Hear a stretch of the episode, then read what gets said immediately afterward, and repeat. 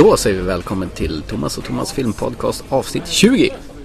Där vi nu sitter på biografen igen faktiskt. Igen på SF och... Vä- ja. Fast vi ska inte prata om den vi ska se. Nej, vi tänkte att vi ska gå och se eh, en film här senare. Som kommer att pratas om senare också. Ja. Alla vet vad, de, vad det är för någonting. Så under tiden så pratar vi om en annan film. Som vi inte har sett här. Exakt. Men vi såg tidigare i veckan. Ja. Eller förra veckan. Goodbye, my son. Our hopes and dreams travel with you. He'll be an outcast. I'll kill him. How? He'll be a god to them.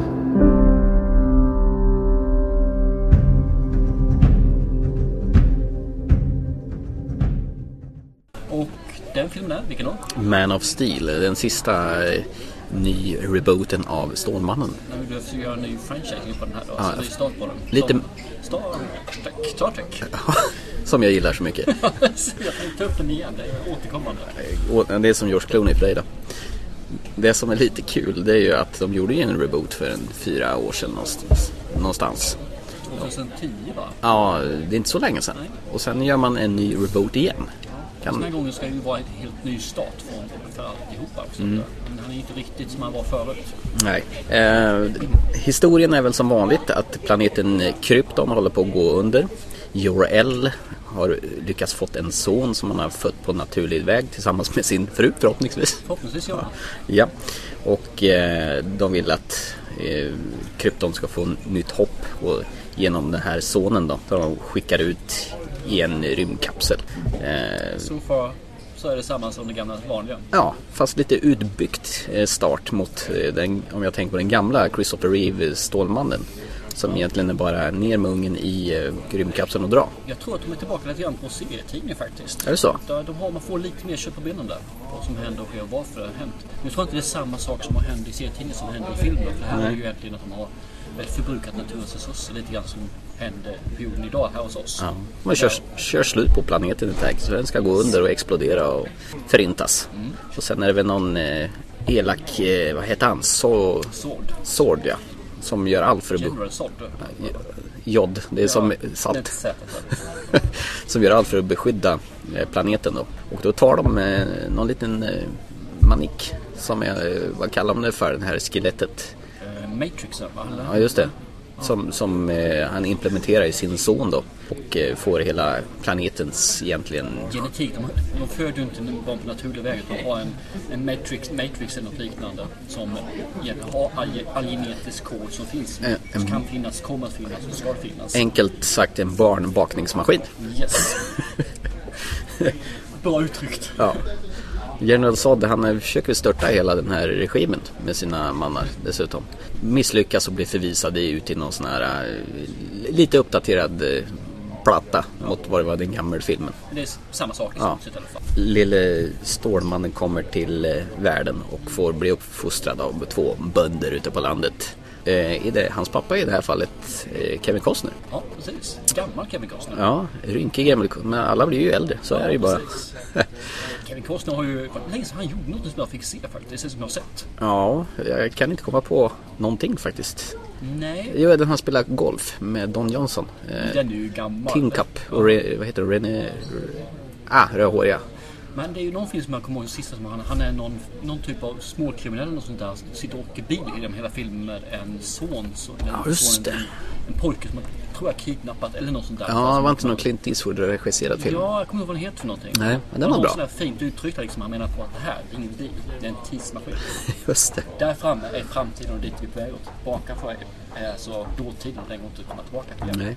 Eh, väl på jorden så får man ju se, det är lite fakt det, det är väl det jag tycker är bra med filmen eh, till att börja med. Det är de här tillbakablickarna. Man får först träffa honom i vuxen ålder. Sen backar vi lite grann i olika tidsepoker i hans liv och, och ser hur, hur han uppfostras av sina fosterföräldrar och mejslas för att bli en bra människa helt enkelt. Ja, och det är lite annorlunda uppfostran mot originalet också. För Mm. där är uppfostran så han är ju den här helyllekillen alltså. Mm. Som ska ta hand om allt, hjälpa alla. Nu är det mer att han vill ta hand om och hjälpa och pappan vill hålla tillbaka för att han inte ska avslöja sig själv. Exakt, och han undrar varför han är annorlunda mot alla andra. Vad det lider så har ju de här eh, General Zod anhängare, de lyckas eh, ta sig loss ur sitt fängelse när planeten Krypton exploderade och letade sig tillbaka till jorden för att eh, sno tillbaka genetiken. Ja, och starta om på nytt. Ja, på jorden. Ja, de eh, vill ha krypton på jorden. Ja, och det och vara kom- ensamma också tror jag. Ja, och det kommer ju resultera att det kommer att dö lite folk på jorden då. Typ 5 miljarder. Ja, och det kan ju Clark Kent som han nu heter på jorden inte tillåta förstås. En kul, kul sak som jag tycker faktiskt i den här filmen är att när man möter honom första gången då är han ju faktiskt en fiskare. Ja, och skäggig. Ja, och väldigt grön fiskare. Han är riktigt dålig på det han gör. Han är ju riktigt eh, kass. Usel ja. Ja. Så det tycker jag är en kul grej med att han är vuxen och han är egentligen bara han är en daggivare och som går från jobb till jobb från ställe till ställe och när han väl hjälper någon eller någonting händer så han är på sig så sopar han igen sina spår och slutar till nytt ställe. Det låter lite som Bruce Banner i Hulken. Exakt, det är lite grann så. Jag fick också de vibbarna faktiskt. Vagabondstuket där. Och han är snokläder från ett klädstreck också. Träffar väl Luce Lane ganska pronto. Ja. det- Hon gör väl någon reportage uppe i eh, någon Antarktis, eller- Sydpolen. Antarktis eller något Ja. där. Det där. Exakt, där hon hals i huvudet kastas in och träffar Stålmannen för första I gången. Kanada för bövningen. Var det i Kanada det? Ja. Okej. Ja. Hur som haver. Nu har vi talat så mycket om historien här så att vi, vi kan börja beta av vad vi tycker om filmen egentligen. Om, jag, om, om vi ska börja med första introt, det här med krypton. Jag tyckte det var alldeles för långt, det var som en annan film. Det var liksom var en bit av filmen som egentligen, det kändes som Avatar nästan. När Russell Crowe var på flyget på de här drakarna och grejerna. Jag fick väldigt Avatar-vibbar och den hatar ju jag.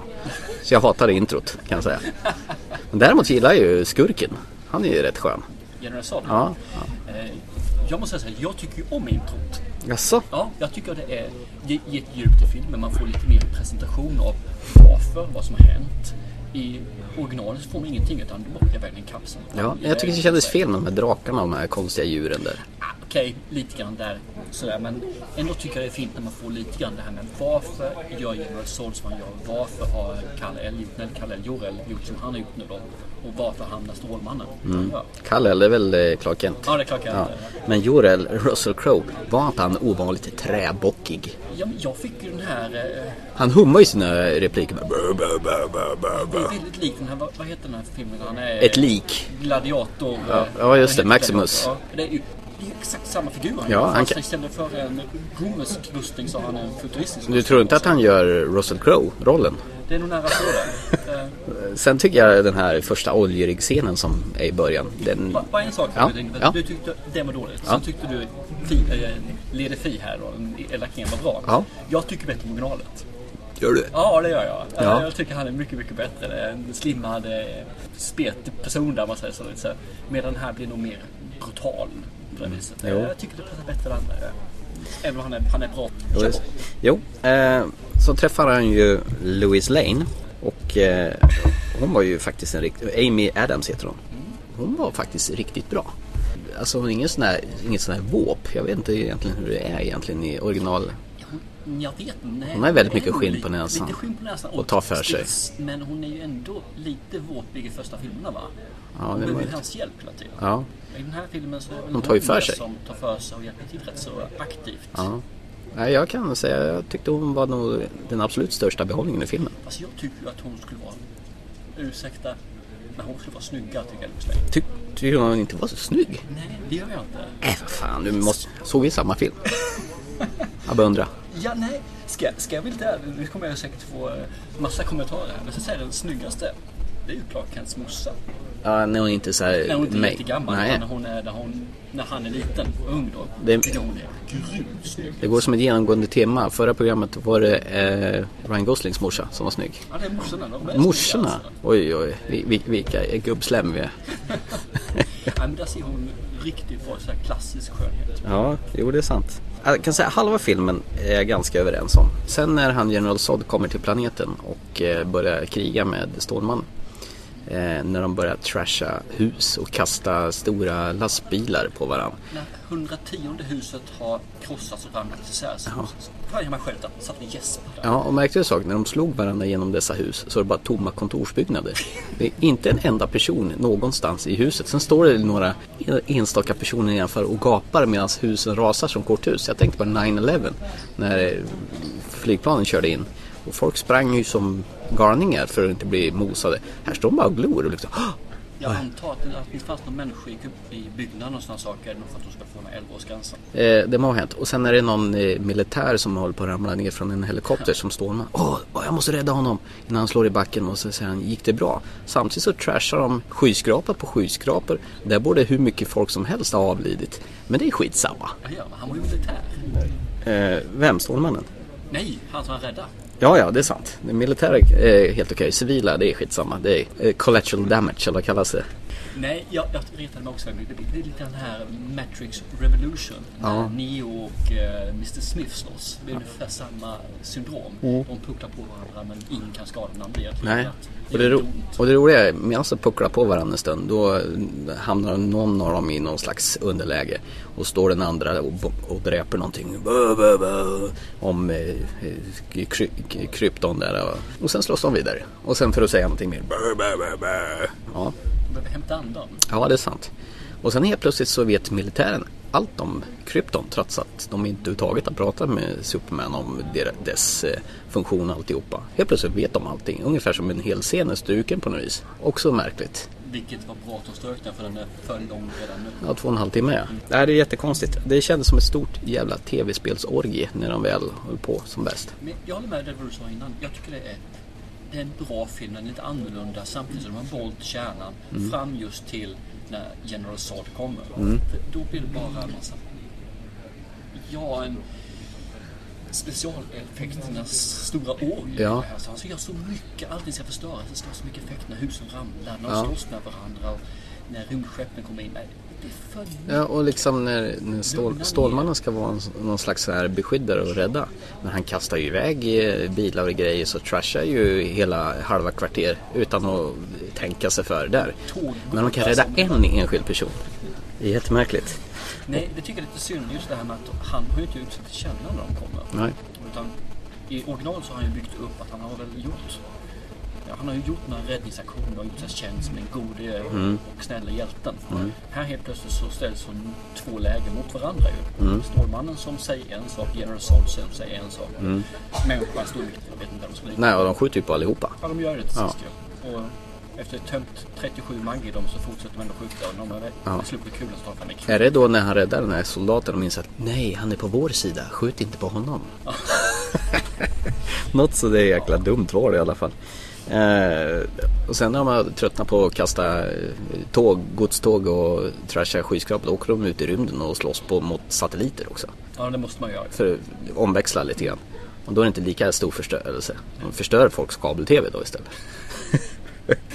Har du trashat den? Ja men ja, det... Nej, jag håller faktiskt med dig i sak där. Den är inte bra filmen. Eh, sen så tycker jag väl att se halva filmen och stänga av resten. För du behöver Ja. inte se mer. Nej. Det, det är det som är behållningen. En annan eh, skillnad från det är att Lo- Louise Lane vet ju hela tiden vem Clark Kent är.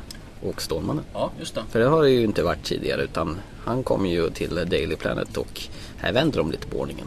Han börjar jobba där sen. Hon letar rätt på honom. Han håller på att slåss mot General Zod i tid och otid. Det är Ja, ungefär. och det är länge. Och han reser sig upp 17 gånger om och nu tror man att, att det är över. Men då reser han sig på sig igen. Och då sliter han ju av sig hela sin... Eh, och då kan han flyga.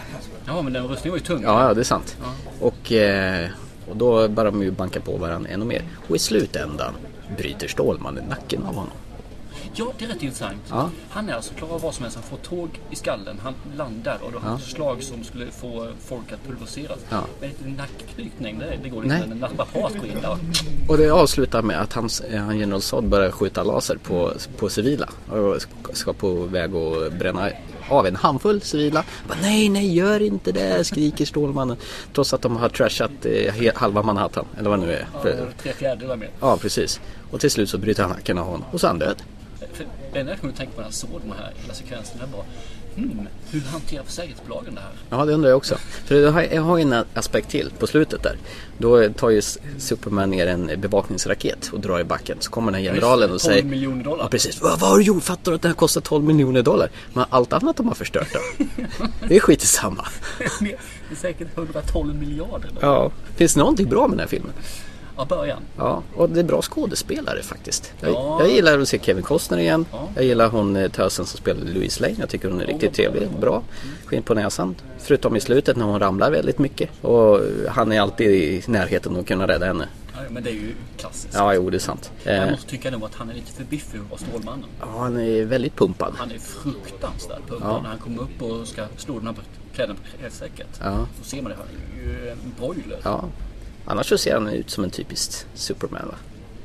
Ja, om man har det här kraftiga käkpartiet som man ska ha, Ja. det här hårsvallet. Så det, ja, Ja. absolut. Det är just att skådespeleriet finns inte. Det är ju slutet när han skriker ut sin vånda efter att ha dödat General Sodda. Ja.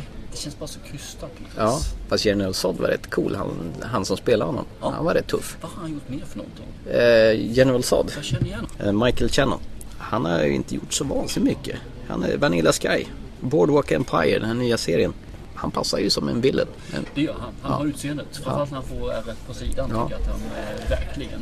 vet du vad det mest tragiska med den här filmen är? Att det är ju våran, eh, en av våra favoritregissörer, Zack Snyder, som har gjort den här. Som gjorde både Watchmen och eh, Sucker Punch. Två riktigt bra filmer. Jag vet inte om han har fått strama tyglar hur han ska hantera den här. Eller så har han fått tvärtom. Ja. Att han inte fått strama tycker Han har fått hybris. Ja, lite grann där.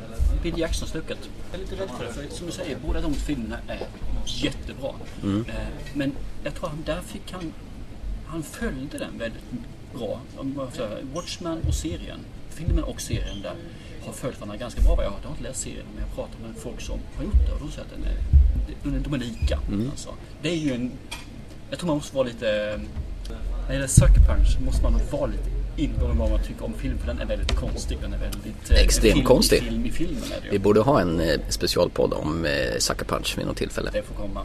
Mm. Tittar man på Stålmannen nu här så är det ju egentligen, där har vi gjort Stålmannen flera gånger. Jag menar, Mm. säga, det kom den gamla filmen, kom en remake, det har kommit tv-serier, tre eller f- Louis och Clark Ja, och eh, Smallville. Mm. Ja, det finns ju massa ju. Det finns ju massa påbyggnader även på Smallville som är ännu mer så bra. Mm.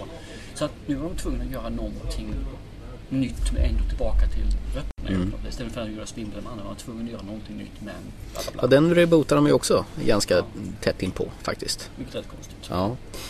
Däremot så gör Zack Snyder gjorde ju både 300, den här eh, nästan eh, studioanimerade filmen. Sandal, eh, splatter i slow motion. Och eh, påmålade magrutor. Ja, och Dawn of the Dead nyinspelning gjorde han ju också. Den är ju inte helt tokig. Den är helt okej. Ja. 300, jag vet det. Nja. Ja, eh, däremot så har han ju fått förnyat förtroende för att göra nästa Superman-film som ska bli någon korsning av Batman och Superman. Där Ben Affleck ska spela Batman och det har ju blivit ganska utskällt. Men eh, han har ju blivit bättre med åren så att det kanske blir bra. Man vet aldrig. Om, man- man, man ska nog inte fastna i Daredevil. Nej, man får ju hålla ett öppet sinne. Exakt. Men eh, i slutändan så tycker jag ärligt talat Man of Steel var skit. I alla fall andra hälften. Ja, eh, det finns... Jag skulle nog hellre se de gamla filmerna igen. Mm. Det skulle jag göra, för de har nog lite... Det finns lite kärlek, och inte, inte kärlek som romantik i filmen, utan kärlek till filmen. Ja, exakt. Gamla Christopher Reeve. Mm, precis. Ja, jag kommer ihåg de hade brutalt långa förtexter på första Superman. Richard Donners som hade gjort eh, Dödligt vapen. Jag tror de höll på en 10 minuter med bara namnen som swishade upp så här. Och det tog aldrig slut. Powerpoint-prestationer alltså. Ja, de hade precis kommit på den effekten kanske. Ja, nej, men det finns inte mycket mer att säga om det där så sött, utan um, undvik den. Ja, ni kan se den gamla Superman istället. Tre gånger om. När Ja, Stålmannen snurrar vill man runt se jorden. övernaturliga så varför inte se Avenger eller kanske en gammal X-Men-film Mm. Ja, nu ska vi börja gå och handla lite biogodis för vi ska gå in och, och eh, sätta oss och, och kika på Gravity. Tickar en klocka. Mm, det ska bli riktigt härligt. Så vi tar upp eh, snacket om den filmen när vi har sett den. Och eh, vi återkommer om en stund.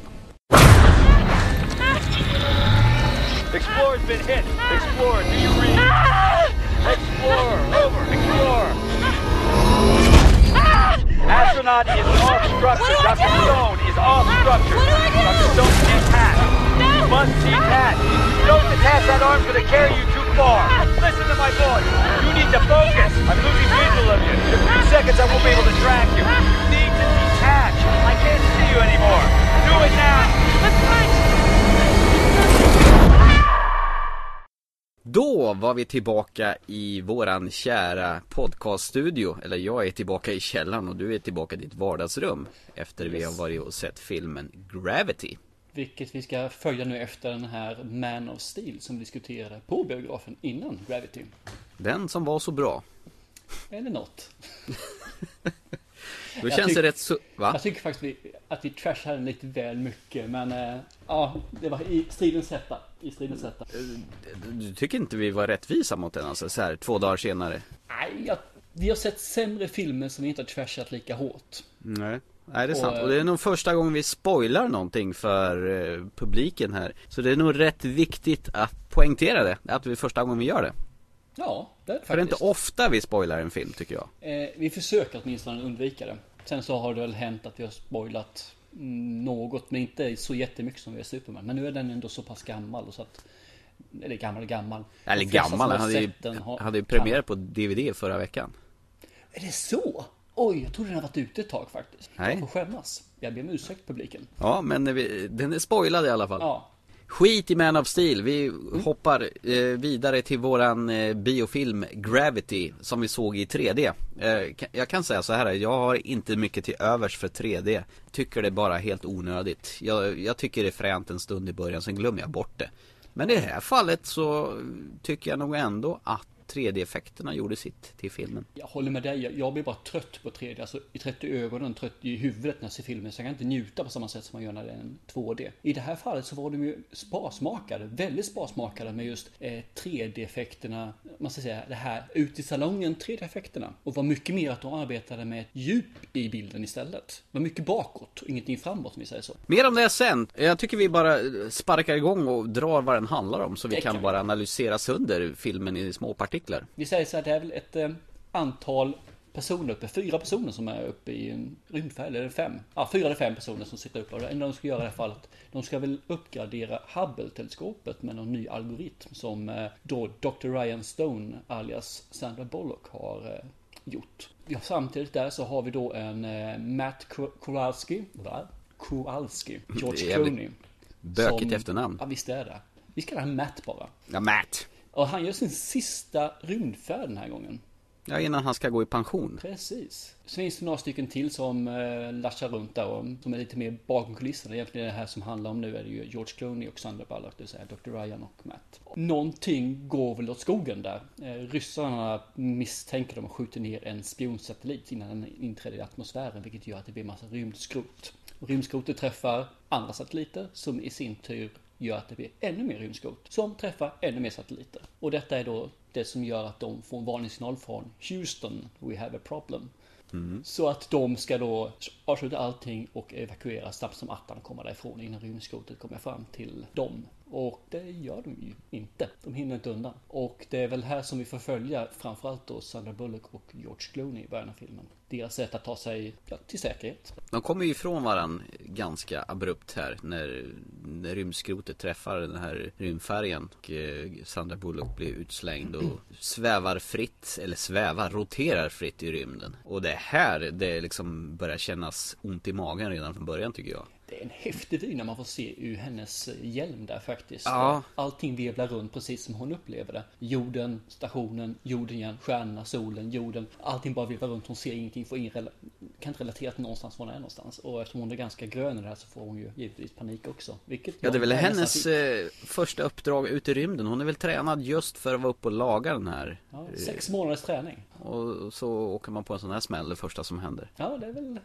in i elden med en gång här. Ja, det, det är ju egentligen, man behöver inte säga mer. Det är det är egentligen det är förutsättningarna de har. Från att det, det har gått åt helvete och nu på något sätt så måste vi lösa det för att kunna ta sig hem. Och det slutar ju med att de åker bort till sin rymdskepp och upptäcker att den går inte att ta sig vidare med och då måste de ju lösa problemet. Det är faktiskt så att de är väl lite avskurna från Houston också i det här fallet. Ja, Houston svarar ju inte direkt. För alla satelliter är ju nere. Ja, pratar ju med Houston som att de, att Houston hör dem. Men de har ju ingen aning om, om de gör det eller inte. Så hjälp, det finns ingen hjälp att få. De måste lösa det på egen hand. Inte vad de vet i alla fall. Nej. Så att, eh, som säger, de, de pratar ju med Houston som att Houston hör dem, fast de inte hör Houston. Ifall de skulle höra dem så kan de höra vad de gör för någonting och vad som har hänt och hur de agerar. Så att de, Houston sen kan agera i sin tur för att eh, göra en räddningsaktion mot dem. Så de vet var de är någonstans framförallt. Är de kvar på skeppet? Är de kvar, är, har ni gett sa till med rymdstation eller vad är det de gör de för någonstans? Det är lite roligt. Vi började ju prata om den här filmen för, vad kan det vara, tre, fyra månader sedan när vi såg någon trailer över det hela. Och då var vi lite så här, vad fan, det är ju bara två personer med i,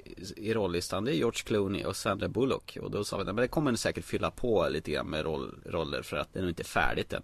Men eh, surprise, surprise. Det var bara egentligen George Clooney och Sandra Bullock. I alla fall som står som krediterade i förtexterna. Ja, det, är det. det finns ju några stycken till man säger så det är de här som är med ytterligare med på den här resan då ju. Sheriff som jag nämnde som är en av de här som är ute och gör den här rymdpromenaden samtidigt som de håller på att reparera är ju en av dem till exempel. Är det han som George Clooney ville slå hans rekord? På vara ute Nej. på rymdpromenad? Sheriff är ju han som håller på att hjula runt medan de, och, i luften och håller på att latcha liksom på andra sidan stationen. Det är han som eh, inte överlever heller. Han, Tänkte du på hon förresten- huvudet på honom som du sa. Ja, bokstavligt talat. eh, alltså tänkte du på när filmen, filmens första öppningsscen då ser man bara att det panorerar över jorden så här eh, lite långsamt och långt, långt, långt borta kommer en liten prick som kommer närmare och närmare och det är den här rymdskytten och sen ser man någonstans bredvid en liten prick bredvid då är det George Clooney som är ute och far runt här och rymdpromenerar och medan Sandra Bullock håller på och lagar det här kretskorten som är trasiga där. Det är en rätt mäktig scen. Alltså från att se ingenting, man bara ser jorden. Från att det här kommer närmare och närmare. Och det är rätt länge, bara en enda tagning innan det klipps igen. Tänkte du på det? Det fanns rätt många sådana faktiskt. Ja. Och framförallt när de leker med kameravinklar. Det tycker jag, ja, de gör det väldigt ofta. De Men kameran far ju runt, runt länge Men det klipps inte en, en enda gång Och då tänkte jag, det här är ju läckert För jag gillar ju sådana långa, långa kamerasvängar Utan eh, avbrott. Och det är ju inte så jäkla konstigt egentligen. Det är Alfonso Cuarón, eller hur det nu uttalas. Han låg ju bakom eh, Children of Men också. En av mina favoritfilmer med Clive Owen. Den har jag säkert nämnt flera gånger. Det är någon sån här flykt från eh, något läger. De blir under attack Någon drar iväg med en bil och det exploderar och lever över. Den får man också se en lång, en lång scen utan ett enda klipp. Och den här eh, fina regissören Han verkar ha någon fäng för det här För långa scener För att det, det, det förhöjer liksom närvaron på något vis Fast Eller vad den, tycker du? Den Children of Men tycker jag, den var mer imponerande som eh, i sitt genomförande. Det är, den här var ju, den här är animerad. Den, den är ju, med teknik har de gjort den här Visserligen, men ändå är det en Visuellt enda är den ju lång fruktansvärt snygg så den är. Alltså, Ja, det, men det, kameran åker ju 360 graders fram och tillbaka över hela där man som, skå, som eh, åskådare får se. Lite grann därför att de ska visualisera också att man är i rymden tror jag. Att just för att man ska komma. Det ska, det ska panoreras runt om hela axeln mer eller mindre. För vi, Ja. vi är i det fria, vi är, det är stort. Det är jäkligt stort är det. Mm. Och sen när det väl händer så träffar det hårt och brutalt. Det, det går ju inte att komma ifrån att den här filmen eh, rör sig ungefär i samma, samma segment som eh, 127 timmar och Buried. Den här eh, med Ryan Reynolds, han ligger nedgrävd i kista och även han i 127 timmar som sitter fast med, med, med handen i stenen. Ja, det fanns väldigt många likheter där faktiskt. Hur, Vilken känsla man får i film, vilken känsla den förmedlar Ja. till mig då som eh, biobesökare. Ensam, du sitter med skägget i brevlådan och du måste lösa problemet. Annars kommer du dö. Exakt, det enda sällskapet mer eller mindre är dig själv. Eh, vad tyckte du om George Clooney i den här filmen? George Clooney gör det han brukar göra om jag säger så. Han, eh, faktiskt sista tiden så har han spelat den här personen. Som är med lite varianter. Ja men är det inte så att han är ju en variant av George Clooney-karaktären på något vis? Ja, han, han har blivit lite mindre nu. Han, han, innan så hade han ju väldigt bredd tycker jag. Han spelade väldigt mycket, mycket olika roller och eh, gjort det jättebra. Men nu verkar det som att han har hamnat i en, ett ekorrhjul där det blir ungefär samma sak åter och åter igen. Nu ska jag innebär- in- faktiskt säga att jag tycker om den karaktären som George Clooney oftast gör. För den är, oftast finns det en komik i den. Han, han driver både med sig själv och med sin rollkaraktär och ibland med filmen också faktiskt. Tänker du på när han har sin apparat i källaren för 200 dollar? Nej, det är faktiskt inte det jag tänkte på. Nej då.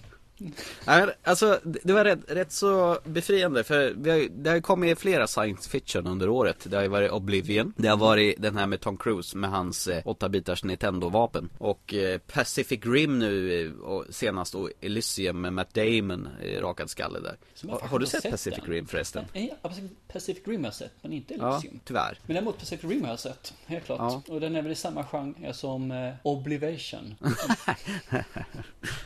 Ja, eller hur?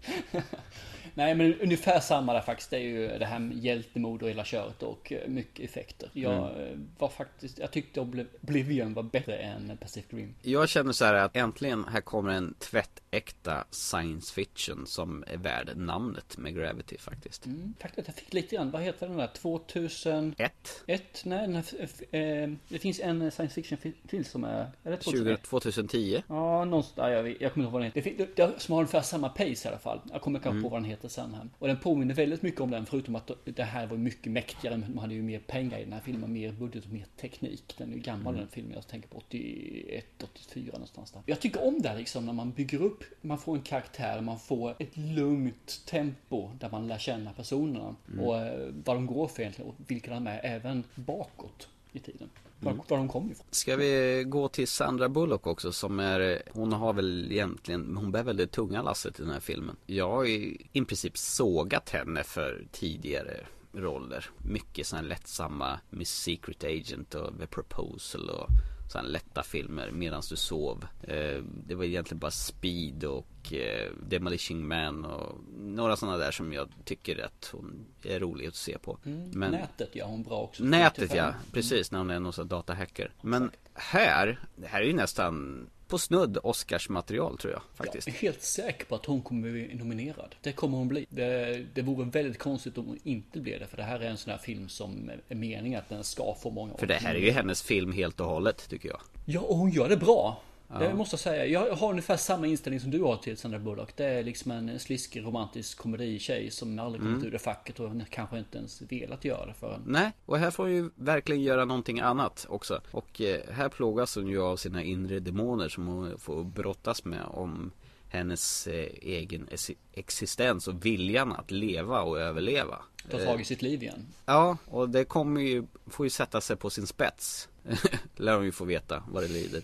Nej, jag tycker att hon är helt fantastisk i Gravity. Hon gör det riktigt bra. Det gör hon. Jag tror att det är nog den bästa rollprestation jag har sett henne i. Det var till rätt så tufft för henne också för det var ju, under inspelningen var det ju väldigt klaustrofobiskt för att hon skulle få den här paniken. För det känns ju, det är ju som två aspekter. Det här med att syret håller på att ta slut för henne så hon måste rappa på. Eller de måste rappa på i sitt sätt för att kunna klara sig. Och eh, det här med att det är så, även fast rymden är så stor så är hon så fruktansvärt utlämnad och ensam. Och isolerad. Nej, det är ju två riktigt otäcka parametrar som gör det riktigt engagerande. Man blir medryckt från start. Och det är en riktigt häftig resa eh, de gör i den här filmen. Ja, jag kände det. Vissa gånger så var det så att man verkligen kände hur pulsen stegrades och man riktigt... Man visste hur hon skulle överleva, men gör hon det? Ja. Så, du man lurades så fruktansvärt i filmen att man, eh, man hakade på till 100%.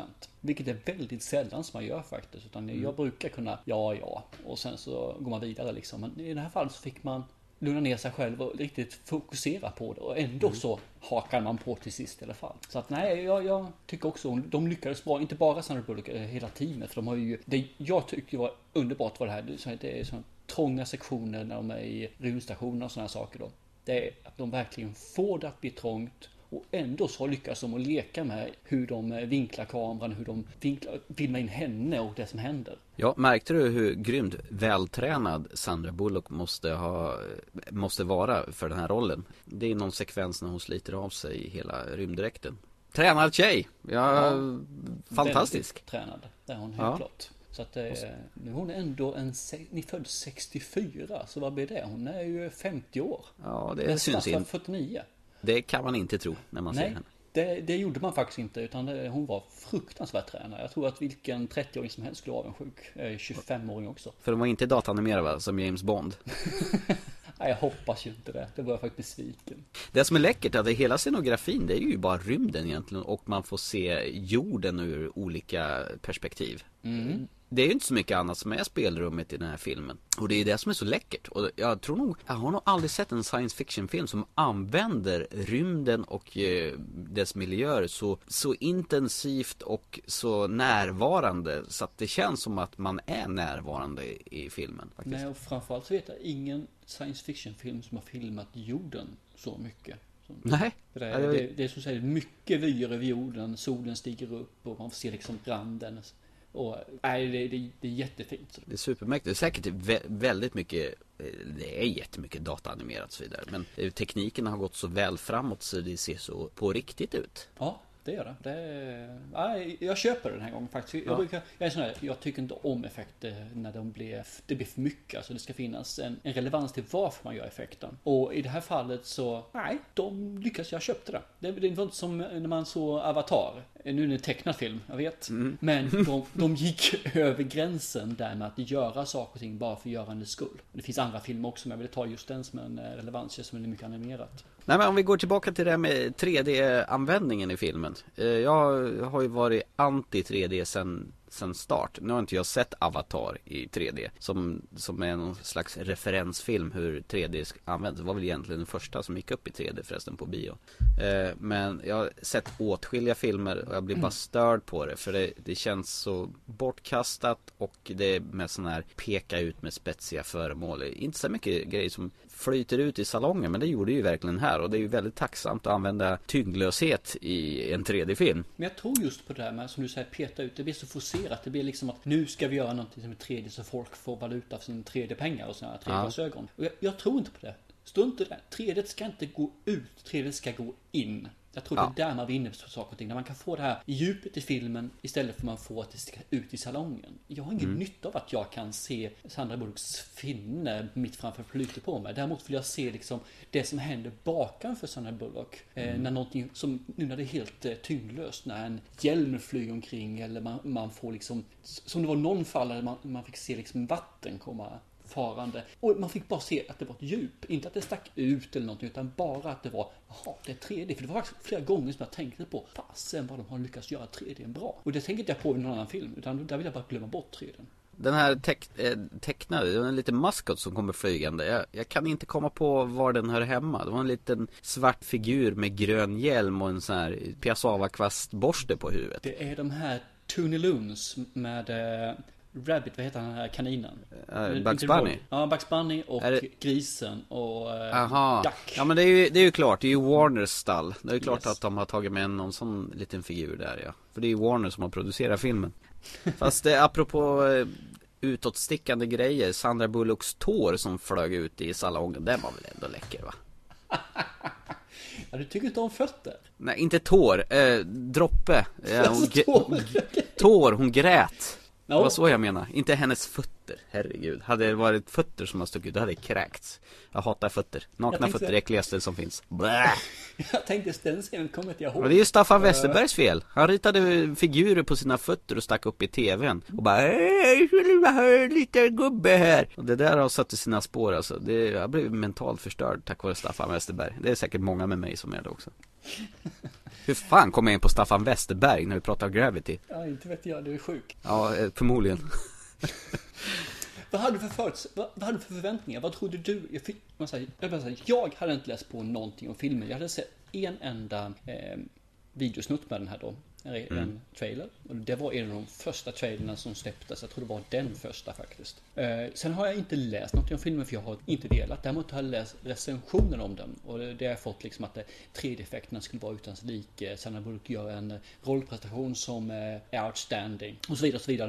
Den har hyllats av alla. I stort sett hela filmen. Finns inget dåligt med den. Men jag har inte vetat vad den handlat om. Ja, du måste väl ha vetat att det, att det är massa rymdskrot som träffar en rymdfärja. Och sen Jo, där... så mycket har man fattat i första trailern då som sagt var. Att det, det, det kommer ju hända. Men vad händer sen? Vad, vad, är, vad är meningen med filmen? Ja, det är samma här. Jag hade, jag hade ju skyhöga förväntningar på den här i och med att den har varit så hyllad överallt. Den var ju tokhyllad. Eh, vad man än läser någonstans så har ju alla recensenter, filmförståsigpåare, alla har ju tyckt att det här är ju, var ju årets överraskning. Ja, det var årets film detta ju. Och Ja. Som vi inte ens visste om i början av året. Exakt, den här kommer ju från ingenstans. Nej, alltså jag vet ju bara, det var det jag visste. Att eh, ett litet uppdrag gick åt, gick åt skogen. Allt skulle förstöras. Sen hade jag ingen aning om vad resten av filmen skulle gå ut på. Och det var rätt skönt ve inte veta någonting. För eh, det är det värsta som finns. Och eh, få halva filmen spoilad från början på grund av alldeles för långa trailers och för mycket utförliga beskrivna recensioner. Nej, jag försöker hålla mig borta inför. Men jag eh, måste lätt säga att förväntningarna infriades och mer därtill. Jag är totalt knockad av den här filmen. Den eh, engagerade från ruta ett. Man bryr sig om karaktärerna. Det är vansinnigt engagerande och man känner för dem och vill verkligen att det ska gå bra för Ryan. Vad är för jävla namn på en tjej förresten som George Clooney så fint eh, påpekar. Men det förklaras. Ja, det förklaras. Det gör det. Någonting som inte var bra då med filmen, eller som var mindre bra. Jag kan faktiskt inte komma på någonting som var dåligt med filmen. Jag kan Eh. reta mig på en sak faktiskt. Där. Och det är Okej. att vi får en hel biografi av Dr. Ryan. Men Mm. vi får ingenting av uh, Matt, Matt, Matt heter han ja precis. Nej, det är Vi sant. Får, han berättar inget om sig själv överhuvudtaget. Vi får reda på allting om Sandra Bullock. och det Jo, du får ju höra massa anekdoter som han har varit med om. Ja, vi får höra det när vi hört förut. Så vi får aldrig höra dem heller. Men det finns ju en finess med hans anekdoter. Eh, Det kommer ju senare Ja, tillbaka. det finns det absolut. Men Mm. jag skulle få fått lite mer djup just med hans karaktär för att det ska kännas lite trovärdigt i en diskussion.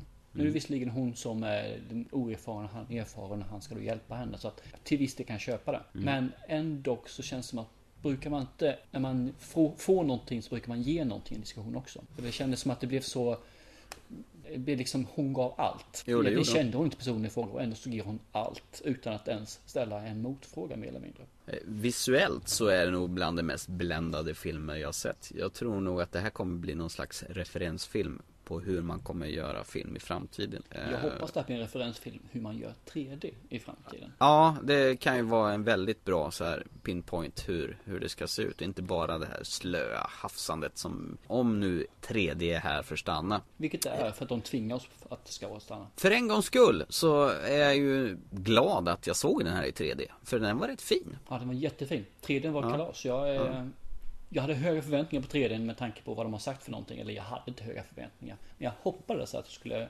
kunna ha bra förväntningar när jag gick ut därifrån. Vilket Jo. jag hade ju. Eh, jag kan bara säga så att den förra filmen jag såg innan den här i 3D. Det var när jag var tvungen att se The Hobbit i 3D och i eh, 62 eller 74 frames per second. Nej, 30? 40, 48, de har väl dubblat det från Så 24 till kanske. 48. Ja. Eh, Då såg jag den i 3D och den 3D sög. Varken jag eller min äldste son ville se den i 3D men vi var tvungna för det fanns inget alternativ. Eh, Jag valde faktiskt att se den utan 3D, gjorde jag. Ja, jag kunde inte göra det. Okej. Den gick bara i icke 3D på vardagar och började klockan 9. Och en 11-åring ska inte gå och lägga sig klockan 12. Nej, det verkar lite orimligt faktiskt. Det Ja, har du rätt i. Du är en god far. Det har jag alltid sagt. ja, precis. Du skrattar! ja, jag vet att du aldrig har sagt det om Nej, okej. okej. Ja, var var vi någonstans? 3D? 3D. Ja, Var du färdig där? Jag är färdig. Jag, jag Okej. är jättefärdig med 3D. Det är du som tar upp 3D hela tiden här. Jag tog tredje gången in på 3D.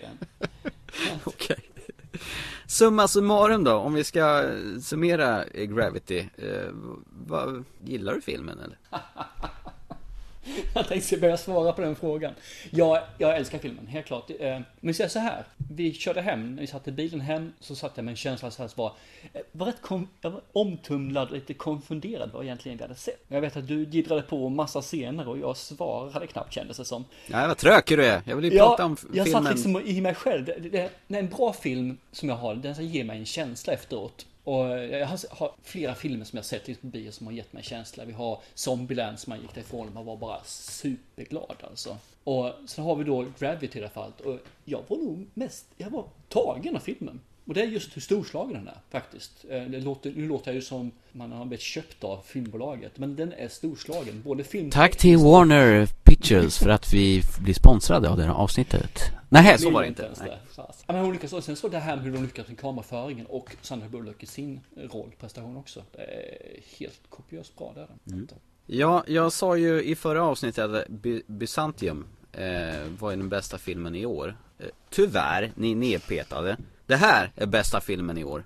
Eh, det här kommer bli svårslaget. Jag tror inte att någon annan film kommer peta ner Gravity från den tronen. Du vet om att du just nu beter dig som en tonårstjej? När Jag vet. veckan så är det John Bieber och nästa vecka efter det så är det Jag har någon ny. Och så veckan efter det, ja men då är det helt ny igen.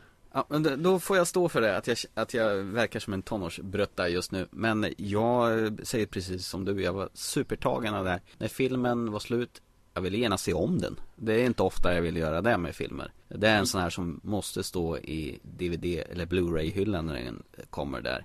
Det ska Eh. bli fasansfullt att se den här på TV. Ja, risken är väl det. För den här är ju en biofilm. Eh, Det är en biofilm. Alltså man kan inte se den på något annat vis än på en stor duk.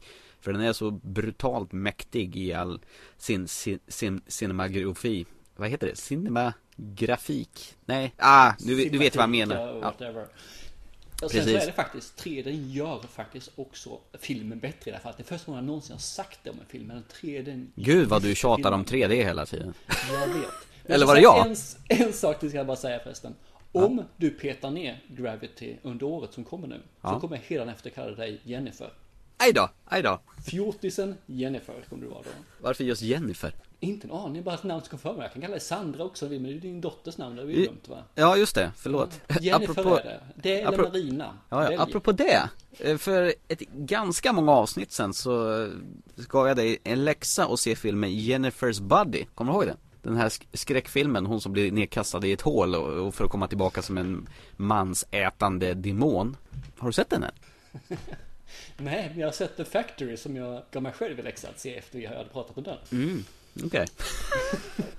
Jennifer's Buddy har totalt fallerat i mitt minnesmark alltså. Men Synd. en, jag ska ta upp den. Jag ska skriva upp den här, helt klart. Eh, ska vi djupdyka lite i Sandra Bullock när vi ändå håller på? Det kan vi göra. Har du någon favoritfilm med Sandra Bullock? Eh, I och med att vi har varit så taskiga tycker jag mot henne och tycker att hon är medioker i vissa fall. Var eh, någonstans eh, klappar ditt hjärta hårdast för dig när det gäller filmografiskt territorium med Sandra Bullock? Förutom Gravity då alltså. Ja, den får du inte välja för den var ju liksom eh, Den har vi ju avhandlat nu. Tidigare, hennes tidigare prestationer, det är det vi försöker Ja, fram. jag skulle kunna vara tråkig och säga Speed. Men fakta är att hon inte är den som gör filmen Speed. Det Nej, viset. det är ju Keanu Reeves Neo. Nej, så heter han ju inte alls. Utan eh, det är den med bussen som inte får åka långsammare än 80 km i timmen för Dennis Hopper, en sur pensionerad eh, polis eller något. Ja, och det är ju han som gör filmen. Pop Quiz. Återigen en elak skurk. Skurkarna gör filmerna. Ja, absolut. Nej, men jag går faktiskt på nätet som hon gjorde 1995. Ja. Jag tycker att den eh, var, den var väldigt eh, den var bra i den tiden den kom om sig. De gjorde upp det här med att eh, nätet kommer, internet ganska nytt. Man visste inte det, för det skulle ta vägen någonstans. Det här med att ta över folks personlighet, det vill säga identiteter och så vidare. Och så vidare. Och jag tycker att den, den funkar. Den är rätt så nice. Jag vet inte om det är hon som gör den bra eller på något vis på det här viset. Men det är en god film i alla fall. Jo, och där är han väl inte så mjäkig heller utan han är ganska egen och självständig och drivande va? Ja, och jag tycker om sådana tjejer så att det är väl därför. Du gör det ja. Det eller psykopattjejer, det är ju bara det som gäller alltså för mig. Själv då? Ja, det är jättesvårt faktiskt. Eh, hon drunknar ju mest i såna här romantiska komedier som hon själv har varit med och producerat. Men det fanns ju en liten eh, skön film som hette Iskallt mord på svenska. Där det är två tonårskillar som eh, Mur- Murder by Numbers heter den förresten på original.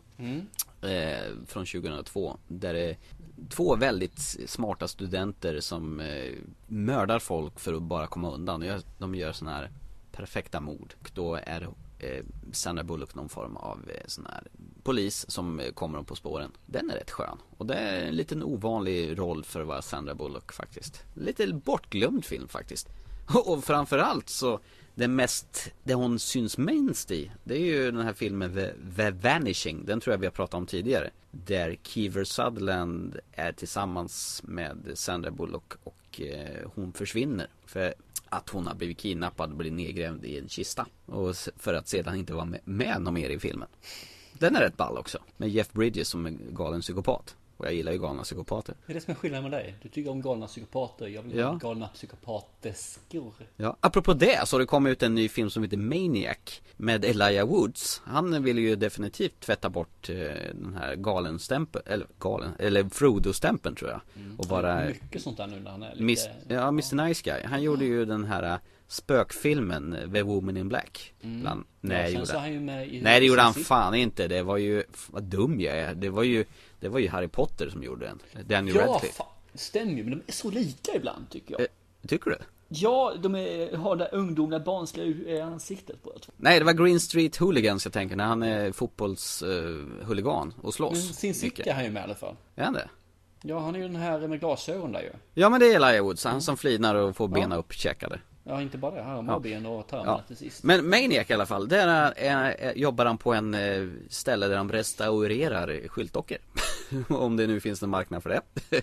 Eh, och så mördar han tjejer. Och man får se hela filmen ur hans synvinkel. Så man hör bara egentligen hans röst. Men får se allt, hela filmen från eh, Elijah Woods ögon. Det är någon ny inspelning av en gammal sån 80-tals slasher. Så att, har jag hört, jag har inte sett den själv men det, det låter lite fränt faktiskt. Det är gjort av eh, samma regissör som gav oss den här P2, du vet den här psykopaten som jobbar som parkeringsvakt på julafton och tar Lyssna en på Elvis Presley. Ja just det, och tar en. Jaha, och den var ju cool. Så jag, jag skulle, jag tror den här med Maniac med eh, Elijah Woods är nog rätt fin också. Ja, absolut. Gled ifrån Sandra Bullock här ganska hårt kände jag. Rätt snabbt, ja. Jag skulle faktiskt glida ifrån Sandra Bullock en liten tag till. För det finns en grej till jag skulle vilja nämna i Gravity. En liten sån här sidospår tänkte jag säga. Men det är lite så. Det finns en person som alltid är med i Houston. Som alltid spelar den figuren. Väst och cigarr och det här köret där. Så säger, finns alltid kommentaren Houston, we have a problem. I det här fallet så är det ju, den vi pratar med Ed Harris. eh, jaha, är inte han i kontrollrum i Apollo 18 också tror jag? Jajamän, han är alltid med i kontrollrummet och han är även med i Gravity i kontrollrummet. Det är han som pratar alltså som är i Houston. Är han typecastad eller någonting? Japp, i voice har han det i alla fall. Är han type voice castad? Yes. Och det roliga i det här fallet är att han säger inte, de, de säger inte Houston we have a problem utan han, de säger This is Houston, we have a problem. Så han får säga det den här gången istället. Om jag inte minns fel. Coolt faktiskt. Ja, de vände på det. Jag tyckte det var lite gulligt faktiskt. För att han har alltid fått höra det själv att Houston, have a problem, så ska han lösa det. Och nu kan han få meddela för att vi har ett problem. Men eh, George Clooney då? Vi kan ju inte glömma bort honom. Jag tycker Sandra Bullock har fått alldeles för mycket plats här nu. Matt Kowals- Ko- Kowalski.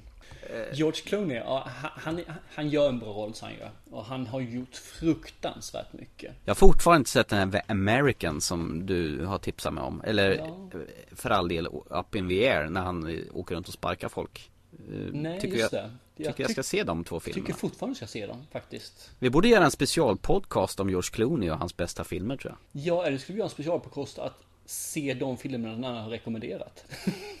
Menar att du ska rekommendera att jag ska se dem eller tvärtom? Du ska menar se Up In There och, eh, vad, vad fasen, nu glömde jag bort vad den andra hette för någonting. The American. Och så ser jag Jennifer's Body. Ja, så kan vi göra. Mm.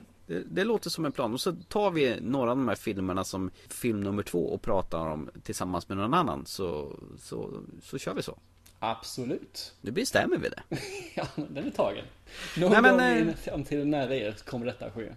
Ja. Eh, nästa gång kommer det bli ett specialprogram dessutom. Ett gediget specialprogram. Mm, det, jag vet inte hur långt det kommer bli men vi har mycket att prata om den gången och då har vi dessutom bjudit in en gäst som ska hjälpa oss att leda oss igenom detta program som avhandlar Ah, vi håller lite hemligt ett tag till, tycker du inte det? Vi kan väl säga så här att han är väl troligen Sveriges mest kunniga i området. Och han har väl Nej, vi, vi, vi stannar där tycker jag. Men han är, ja, han är en sakkunnig och jag kan nästan garantera att han är en av Sveriges mest kunniga inom området. Så där har inte vi så jäkla mycket att sätta emot tror jag Nej, men det ska inte hindra oss. Nej, det ska bli skitkul i alla fall. Det här har vi pratat om att göra jättelänge och nu ska det äntligen bli dags.